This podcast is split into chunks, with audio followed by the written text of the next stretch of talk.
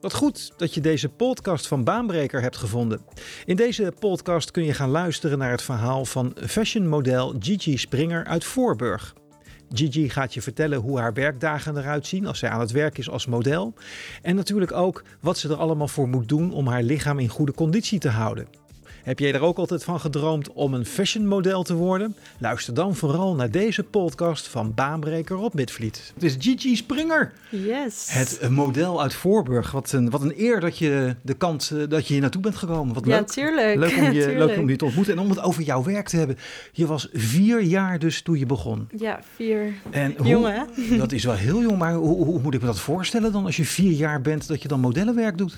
Nou, ik was gevraagd eh, in de Herenstraat in Voorburg om eh, modellenwerk of eh, zeg maar te komen lopen Mhm. tijdens een modeshow voor twee winkels. En nou, mijn opa en oma zeiden nee, dat gaat ze echt niet leuk vinden. En mijn ouders zeiden nou, we gaan het gewoon proberen. En ik vond het zo ontzettend leuk om te doen dat ik maar bij mijn ouders bleef vragen en bleef zeuren totdat ik weer modellenwerk mocht doen. En, en kan je dat echt nog herinneren dat je dat toen gedaan hebt toen je vier was? Ehm, zeg maar, ik kan het volgens mij wel herinneren dat ik aan het lopen was, maar niet dat ik zoveel aan het zeuren was om modellenwerk te gaan doen. Ehm, maar uiteindelijk hebben mijn ouders me dus ingeschreven bij een modellenbureau. En eh, ja, ik had heel snel mijn eerste klus. Ja, wat geweldig. Als model moet je ontdekt worden, hè? Klopt. Hoe is dat bij jou gegaan? Wie heeft jou ontdekt? Nou, dus eh, ik was dus gevraagd om in de winkelstraat te komen lopen. Dus zij hebben me eigenlijk ontdekt, om zo maar te zeggen. En ehm, op een gegeven moment op latere leeftijd eh, ben je natuurlijk niet echt kindmodel meer. En eh, toen ben ik wel door meerdere mensen gescout, ook eh, in het buitenland. Maar ja, eigenlijk het bekendste is dat ik door Paul Fisher ben gescout. Voor Dat is een hele bekende, toch? ja, zeker. Ja. En dat was ook voor zijn programma I Can Make You Supermodel. Dus daar was ik ook in te zien. Leuk zeg. Ja, En, en, en, en vanaf dat moment is, is het balletje nog meer gaan rollen als wat het al deed, zeg maar. ja, zeker weten. Ook gewoon het feit dat ik ehm, sindsdien heel veel met social media aan de slag ben ge- gegaan. En op Instagram groeide ik heel hard. En nu het laatste jaar op TikTok is echt enorm hard gegaan ook. Ja. Want daar ben je ook heel erg actief mee, hè, met TikTok. Ja, Daar gaan we het zo nog even over hebben. En wat voor soort ehm, ehm, ja, events of, of, of, of eh, ja, gelegenheden kom ik jou dan tegen als model? Nou, ik ga eh, vooral veel naar premières toe. En dan eh, kijk je eigenlijk naar de eerste, de als eerste naar eh, een film. Dus dat is wel heel erg leuk altijd.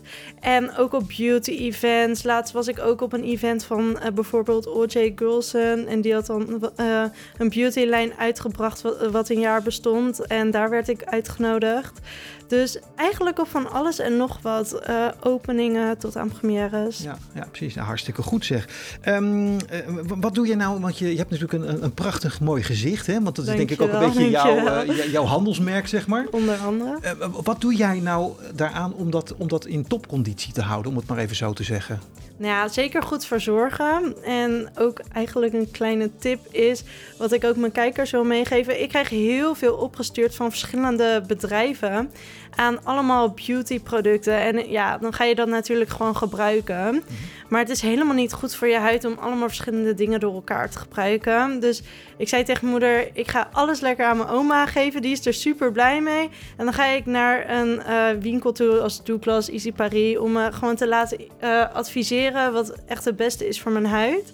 Nou, ik heb dat gedaan. Ik gebruikte nog niet eens een week de producten. En gelijk zei de fysicist tegen mij... wow, wat heb jij met je huid gedaan? Oké, Ja, wat, wat bijzonder dan, hè? dat dat dan ook gelijk zo opvalt. ja als je echt iets voor, ja, wat voor je huid goed is gebruikt... en voor jouw type huid, dat is gewoon eh, ja. Ja. de key. Ja. Hey, als je nou zo'n event bent, hè, bijvoorbeeld zo'n, zo'n, eh, eh, heb je dan echt een bepaalde eh, ja, werkdag? Hoe moet, moet ik dat voorstellen? Heb je bepaalde dingen die je altijd moet doen? Een bepaald ritueel bijvoorbeeld? Nou, je plaatst nou, ik plaats natuurlijk altijd foto's en stories. En soms, nou, de laatste tijd neem ik dan TikToks op, ook op die events. Want ja, dat vinden mensen natuurlijk toch heel erg leuk om te zien. Maar ik zie het niet echt als een werkdag. Want ja, je komt altijd heel veel mensen tegen die je kent. Dus dat is ook gewoon super gezellig altijd. Ja. En wat vind jij leuk aan, eh, aan het werk van model? Wat, wat eh, spreek je daarin aan? Alles. Ik vind het zo ontzettend leuk om te doen. Echt ook dus inderdaad van jongs af aan. Ik wilde altijd voor, maar ook eigenlijk achter de camera staan. En ik vond het ook altijd leuk om de productie een beetje te helpen. En daarom heb ik ook uiteindelijk de opleiding grafische vormgeven gedaan. Oh ja, ja, dus je hebt ook nog een stuk gerichte opleiding achter uh, zitten. Ja, achter het werk wat je, dat is wel heel slim van je. Zijn er ook nog minder leuke kanten aan dit werk? Ja, ik, uh, ik vind dat niet heel. Nee, alleen ja, sommige opnamedagen zijn wel heel uh, pittig. Bijvoorbeeld laatst was ik in Curaçao. Ook niet heel verkeerd hoor, moet ik mm -hmm. zeggen. Maar dan heb je echt een opnamedag waar je u tegen zegt, yeah. opnamedagen. En dan, uh, nou, we hebben echt dagen gehad van 9 uur s ochtends tot oh. half uur s'nachts door. Ja. Dat is wel pittig, ja. ja maar, heel maar pittig. op Curaçao wordt het weer vergoed door het lekkere weer wat je daar precies, hebt natuurlijk. Ja. daarom valt het wel mee. Ja, precies. Hey, je doet ook fotoshoots. Dat is er nou één shoot geweest die het meeste indruk op je heeft gemaakt? Um, nou, ik heb wel een modeshow gelopen laatst. En die heeft wel indruk achtergelaten, maar wel op een andere manier. Want uh, ik had laatst een show gelopen van Adi van de Krommenakker. Ik weet niet of je hem Ja. kent. Maar uh, ja, we moesten die show natuurlijk lopen. En iedereen heeft zijn of haar, nou, haar eigen stylist. En uh, dus ik dacht, alles is wel prima zo. Ik loop over de... Over de catwalk. En uh, daarna kwam er, kwam er iemand naar me toe. Ja, je kaartje zat nog in je broek. Ik denk, oké. Okay. Oh. Daarna kwam er iemand naar je toe. Je rit stond open. Ik dacht, oké. Okay. Oh. En toen keek ik. En toen zat er echt een enorm gat in mijn broek. Oh. en dat ging niet helemaal goed dus. Nee, maar in de avond moest ik nog een keer die show lopen. En toen was die broek weer gemaakt. En toen was alles in orde. Okay. en daar was ook pers bij. Dus dat... dat... Toen was het weer in orde. Ja, was het weer dat goed. scheelde, ja. ja. Ja, ik kan me voorstellen dat je dan een beetje ongemakkelijk voelt. Ja, dat is wel bijgebleven. Wat, wat zijn jouw persoonlijke eigenschappen die je zelf hebt, die je meeneemt in dit werk? Van, van wat moet je kunnen als, uh, als model? Nou, ik denk dat het vooral heel belangrijk is om goed met de productie samen te kunnen werken. Dus dat je heel makkelijk bent in de omgang. Ik denk dat dat het uh, belangrijkste is. Ja, makkelijk contact kunnen maken Ja. met mensen en makkelijk in de omgang zijn. Ja, en Ja. gewoon ook als de productie zegt van kun je dit of dat doen, dat je ja, dat natuurlijk ook makkelijk kan oppakken. Ja. Zijn er wel eens verzoeken geweest die je echt te ver vond gaan, die je niet wilde doen? En Ja, ik ben wel een keertje weggelopen van de set. Ik, uh, toen ik net gescout was door Paul Fisher en in I Can Make You Supermodel zat, toen uh, was ik gevraagd voor een videoclip. En uh, nou, dat had ik dus gedaan. En ik kwam aan in een club en daar zo, ja, aan het begin is het gewoon normaal, gewoon iedereen leuk praten. En toen werden we op een gegeven moment naar de set geleid. Een ander meisje ook was erbij, een miss. En toen moesten we om jongens heen dansen die shisha aan te roken waren. En nog andere, ja, Hmm. volgens mij een beetje drugs en zo. Dus uh, toen voelde ik me echt niet op mijn gemak. En had ik zoiets van, nee, dit ga ik niet doen. En Nee. toen ben ik met dat misje ben ik, uh, weggelopen. ja. Ja. Ja, nu is het misschien anders omdat ik dan wat ouder ben. Maar je bent 15 en je hebt net zoiets groots gedaan. En je kunt zoveel bereiken. En dan, ja, nee. Nee, ik kan me voorstellen dat, dat, gewoon Ja. echt niet goed voelde Nee. op dat Goeie moment. keuze. Ja, toch? Toch? Ja, Ja, dat denk ik zeker. dat lijkt me wel, ja. Um, is er een, uh, een, een, model die, die jouw grote voorbeeld is? Het zit in de naam, Gigi Hadid. En niet per se om um, de shoot, qua hoe ze... Ja, ze is natuurlijk super knap. Maar ook qua hoe zij is qua mindset. Uh, ook om haar lichaam. En ja, dat, uh, ik ga niet uh, minder pizza's eten om de Victoria's Secret Show niet te kunnen lopen. Nee, nee. Dus wat dat betreft zorg jij voor die balans in je leven? Ja, zeker weten, ja. zeker. Mooi. kan je hier een opleiding eigenlijk voor volgen om model te worden? Volgens mij niet. Nee, het Volgens... moet echt in je zitten. Ja, het is echt een, een persoonlijke kwaliteit. Nou, niet eens die per se in je zitten, maar je moet natuurlijk een beetje wel met de camera om kunnen gaan en alles valt te leren. En je moet natuurlijk ook maten hebben en de lengte. Maar ja, het is, het is niet dat er speciaal een opleiding voor is. Je kan nee. wel meedoen met programma's, denk ik, toch? Zeker. Holland's Next Topmodel. Ja, dat zijn dan inderdaad uh, ja. ja, ja maar dan heb je ook weer die maten en alles daarvoor ja, nodig. klopt, dus klopt. dat ja, is alleen het dingetje. Ja. Je moet natuurlijk een minimale lengte hebben en uh, waist sizes. En dat is ook klopt. heel belangrijk. Klopt. Ja. Stel nou, Gigi, dat je geen model zou kunnen zijn. Wat, ja. wat zou je dan gedaan hebben in je leven? Uh, ik denk dan dat ik alsnog de opleiding grafisch vormgeven had gedaan, maar dan op kantoor had gezeten. Ondanks dat ik dat echt verschrikkelijk vind. Ja. of misschien dat ik dan iets voor mezelf was gestart in vormgeven of in voeding of sport, die richting uit. Ja. Vind ik heel interessant. Maar volgens mij ben je gewoon heel blij dat je dit werk kan doen. Absoluut. Ja, dat, eh, dat geloof ik wel. Ehm, die wedstrijden. Je hebt wel eens meegedaan aan wedstrijden. Wat was de laatste wedstrijd die je had gedaan? Ja, op weg naar Cannes eh, heb ik me aan meegedaan. Het is een modellenprogramma. En eh, tien finalisten die strijden eigenlijk tegen elkaar om Miss Festival de Cannes te worden. Mhm. Dus dat is de laatste modellenwedstrijd waar ik aan mee heb gedaan. Ja, en dat was niet in Cannes, maar dat was... Uiteindelijk in Curaçao, Ja. want het festival... Dat eh, was helaas afgelast door corona. Mhm. Nou, eigenlijk helaas. Nu konden we naar Curaçao toe, dus dat was ook wel heel lekker. Ja.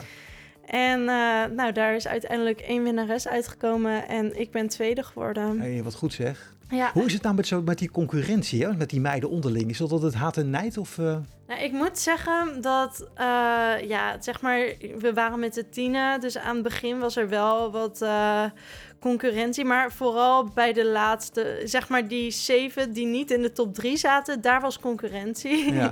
en de laatste drie, wij zijn gewoon zulke goede vriendinnen geworden en vooral ik met de winnares. oh, wat Zijn, leuk. ja, zijn zulke goede vriendinnen geworden dat we het elkaar gewoon gunden. Hoe heet ze? Wie heeft er gewonnen? Ja, Julie Martens. Julie Martens, die heeft Ja, gewonnen. En jullie ja. zijn eh, vriendinnen voor het leven ja, geworden. Oh, wat, wat leuk, wat leuk.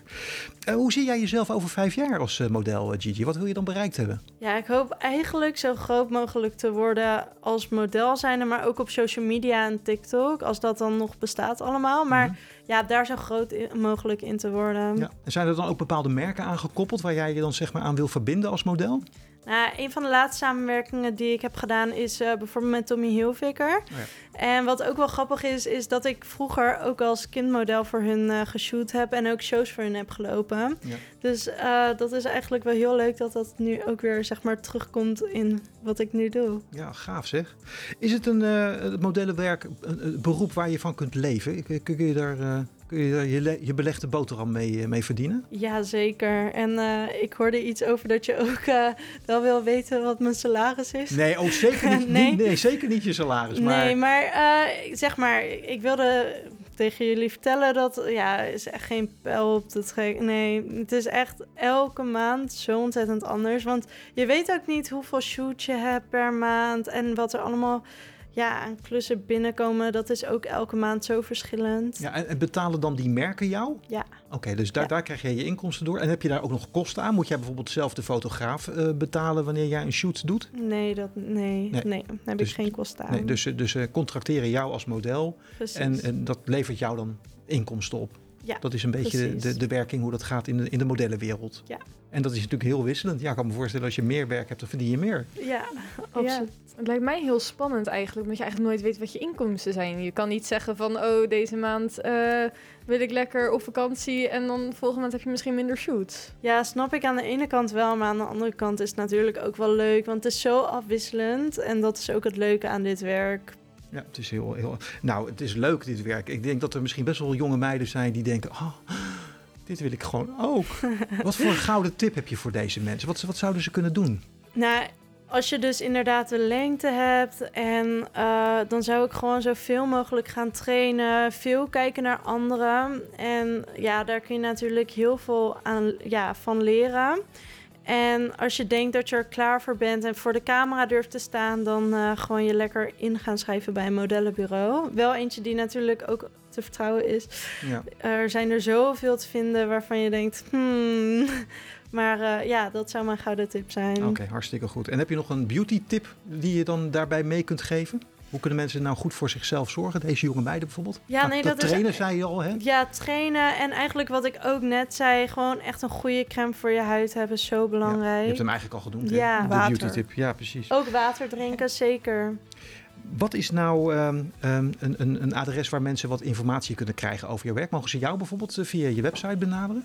Ja, je kunt eh, gewoon eigenlijk op mijn Instagram kijken wat ik doe. Dat is eh gigi.springer. En daar kun je mij ook makkelijk een berichtje sturen. Oké, leuk. Ja. En eh, nou, daar reageer je dan ook weer op. Yes, en dan zie je ook precies wat ik doe. Hartstikke goed. Waarom vind jij dit nou het, eigenlijk het mooiste beroep wat er is, Gigi? Ja, omdat het zo gevarieerd is, dat maakt het heel erg leuk. En het is echt geen 9 tot 5 job. Ehm, ja, en elke keer die variatie vind ik gewoon heel erg top. Midvliet Midvliet FM. FM.